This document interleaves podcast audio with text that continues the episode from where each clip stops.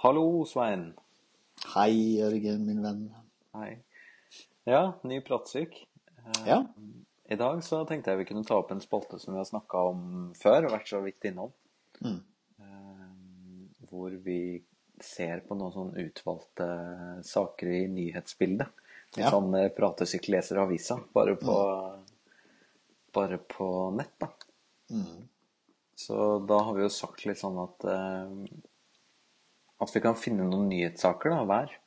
Mm. Sist gang så snakka jeg om Marsferden, husker jeg. Bare jeg som er interessert i den der. kanskje.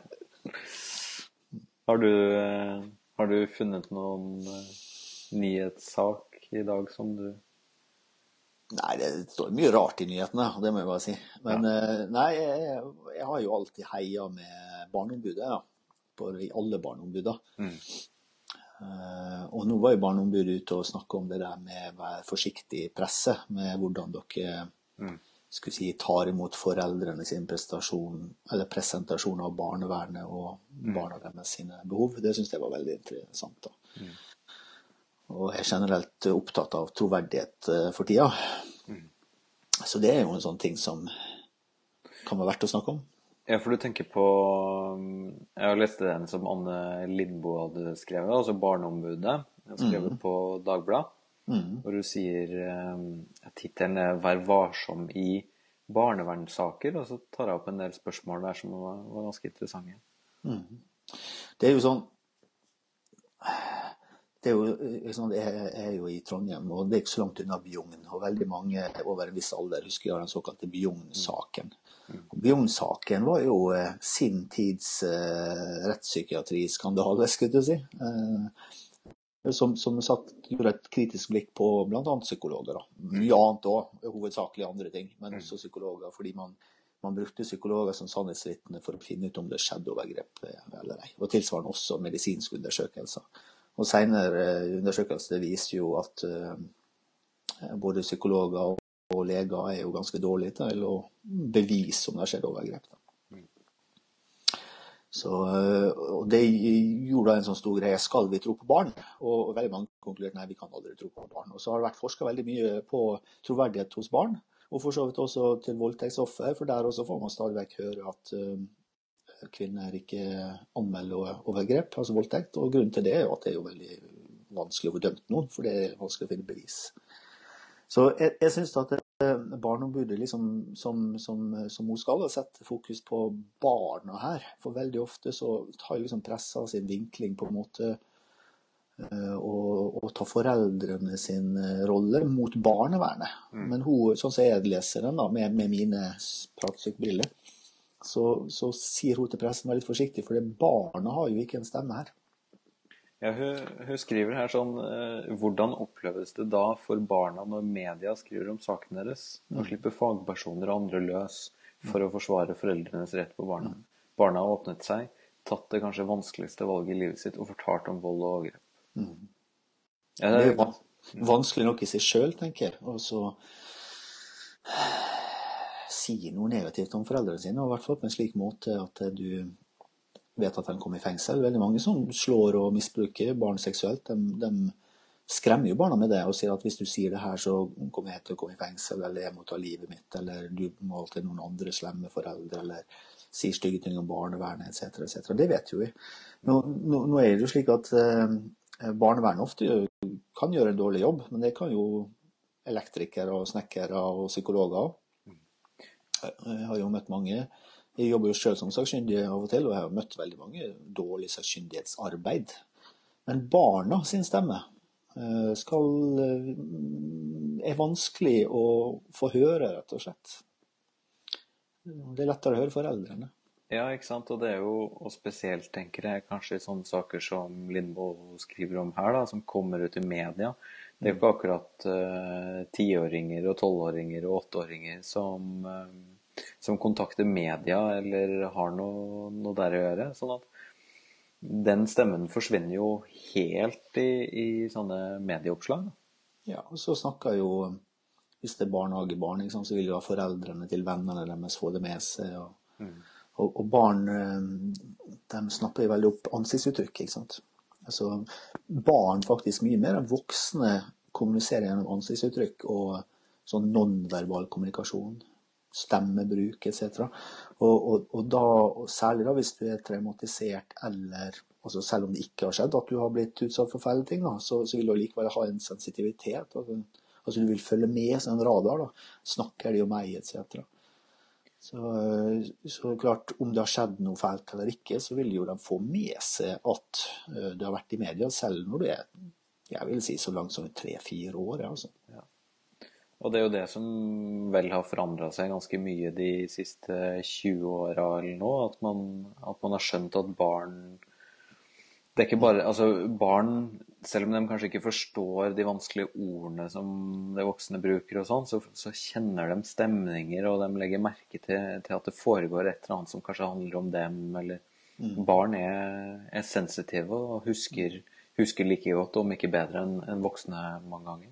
Mm. Sånne, sånne ikke-verbale ting husker de ofte bedre. Mm. Og så, nå er det slik at I Norge de siste åra har det vært mye fokus i, i rettssaker på barnet sin stemme. Og de aller fleste dommere nå vil gjerne høre barnet. altså Barn skal ha en egen talsperson i en rettssak. da. Og Noen ganger så gjør du en sånn dommeravhør som heter før. da. Uh, ja, barne, er det det som foregår på barnehusene nå? Ja, riktig. Nå heter det ikke dommeravhør lenger, men det, det handler om at hvis du skal snakke med barn, så må du spørre på en spesiell måte, slik at du åpner opp heller enn lukker. Så du skal liksom spørre ja, ble du misbrukt? Du skal på en måte stille dere et åpne spørsmål, sånn som fortell hva som skjedde. Eh, men det finnes jo forskning da, som viser til nå, selv etter ti år med, med, den type kunnskap, da, så er, er, folk ikke nødvendigvis blitt så mye flinkere å stille på riktig måte. Eh, og I tillegg så finnes det forskning både nasjonal og internasjonal som viser det at det, vi f.eks. tror mer på jenter som bruker mange ord, enn, altså i en rettssak eh, og i et sånt avhør, enn på, på, jenter som ikke bruker så mange ord. Og Vi vet også at det, hvor mange ord du bruker når du skal fortelle om det, har ingenting om det har skjedd eller ei.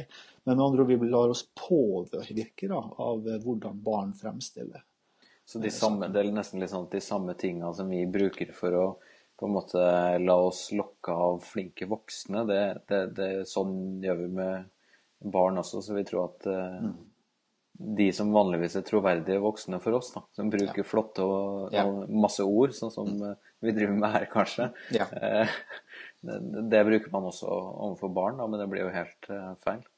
Ja, du, du, du bruker, altså, Det er jo ganske naturlig at du tror det. Men altså, her er jo et eksempel på at uh, psykologisk kunnskap uh, finnes, men man ikke gjør bruk av det. Det er jo særlig hos jenter her. da. Det er faktisk ikke så fremtredende hos gutter. Så det kan hende en slags kjønnsstereotypi der også. Gud da, gudene vet. Men det er jo tilsvarende vi ser også Nå er jo på noe annet uh, lignende tema, men avhør og hvordan du fremstiller det i retten og sånn, så har vi jo Vi, vi lar jo oss påvirke av fremtoning. og Eh, om folk gråter eller ser arrogante ut eller lignende ting. Da. Men det blir så særlig viktig å være klar over disse tingene her når det gjelder barn. Ja. Eh, og, og jeg tenker det er en fin påmenning da fra Barneombudet på at pressen faktisk eh, kanskje av og til glemmer det, da, at også barn leser eh, nyheter. Mm. Eller i hvert fall får med seg at foreldrene deres har eh, lest nyheter.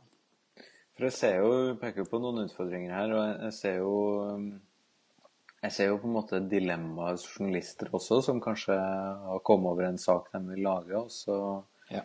er det kanskje en, en, sånn måte å prøve å beskytte barna på når man ikke intervjuer dem, men så ender det opp med å bli kanskje ensidig, eller barnas stemme blir helt borte, eller blir via noen voksne. Eller, og det er vel noe med det at når, når barna blir filtrert gjennom voksne, så, så, er det kanskje ikke lenger barnas stemme, eller hva tenker du?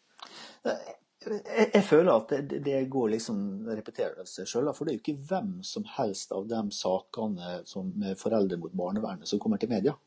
Nei. Det er jo ikke han der litt sånn, eh, litt sånn suspekt utseende fyren med dårlig ånde og dårlig formuleringsevne som, eh, som blir intervjua og som får massevis av sympati. Mm. Men det er jo ingenting som tyder på at folk med dårlig ånde er dårligere foreldre eller oftere misbruker barn. Så det, igjen, igjen altså det er jo, jeg tenker at igjen, altså Jeg har veldig stor respekt for journalister, det må jo være fryktelig vanskelig å være journalistikk. Men det er jo så lett å la seg forlede. Rett og slett at man tenker sånn at det er den som er flink å fremstille seg, den vil på en måte gjøre seg bra på media, og så kjører man den saken. Mens han fyren da som ikke er så flink å formulere seg, og så ser litt sånn slåskete ut, så, så, så, så, tenker han nei, de velger ikke den. Uh, så det, det, er jo sånn typisk media. da, Den finner sånn typisk som vi, Apropos media, den med isolasjonssakene til Brevik. ikke sant? Så Det finnes jo fryktelig mange folk som isolerer, som aldri har fått noe mediedekning. Ja. Så, men Dette skal ikke være en sånn kritikk av media, men, men poenget mitt er at det, det, gjelder deg og meg og alle. At vi på en måte eh, lar oss forlede litt av fremstillingene til folk. Og barn er jo ikke noe flinke til å fremstille seg sjøl. Femåring tenker ikke 'hva er det lurt å si'? Eller jo, han gjør kanskje det hjemme, da, men sånn ikke overfor media. Da blir det desto viktigere å, å, få en sånn påminnelse. Jeg er så glad for at vi har barneombud, det må jeg bare si. Det og det, det nåværende barneombudet har jo vært veldig flink til å markedsføre det også i andre land. For det jo, de aller fleste land har jo ikke barneombud det er helt fremmed for dem at barn skal ha så mye rettigheter som vi har i, Norge. Og hele ordet ombud er jo en norsk oppfinnelse. Det er jo en av de få norske ordene som blir internasjonale. Ombud. Ombud. Ombudsmenn. Ja, ombudsmenn.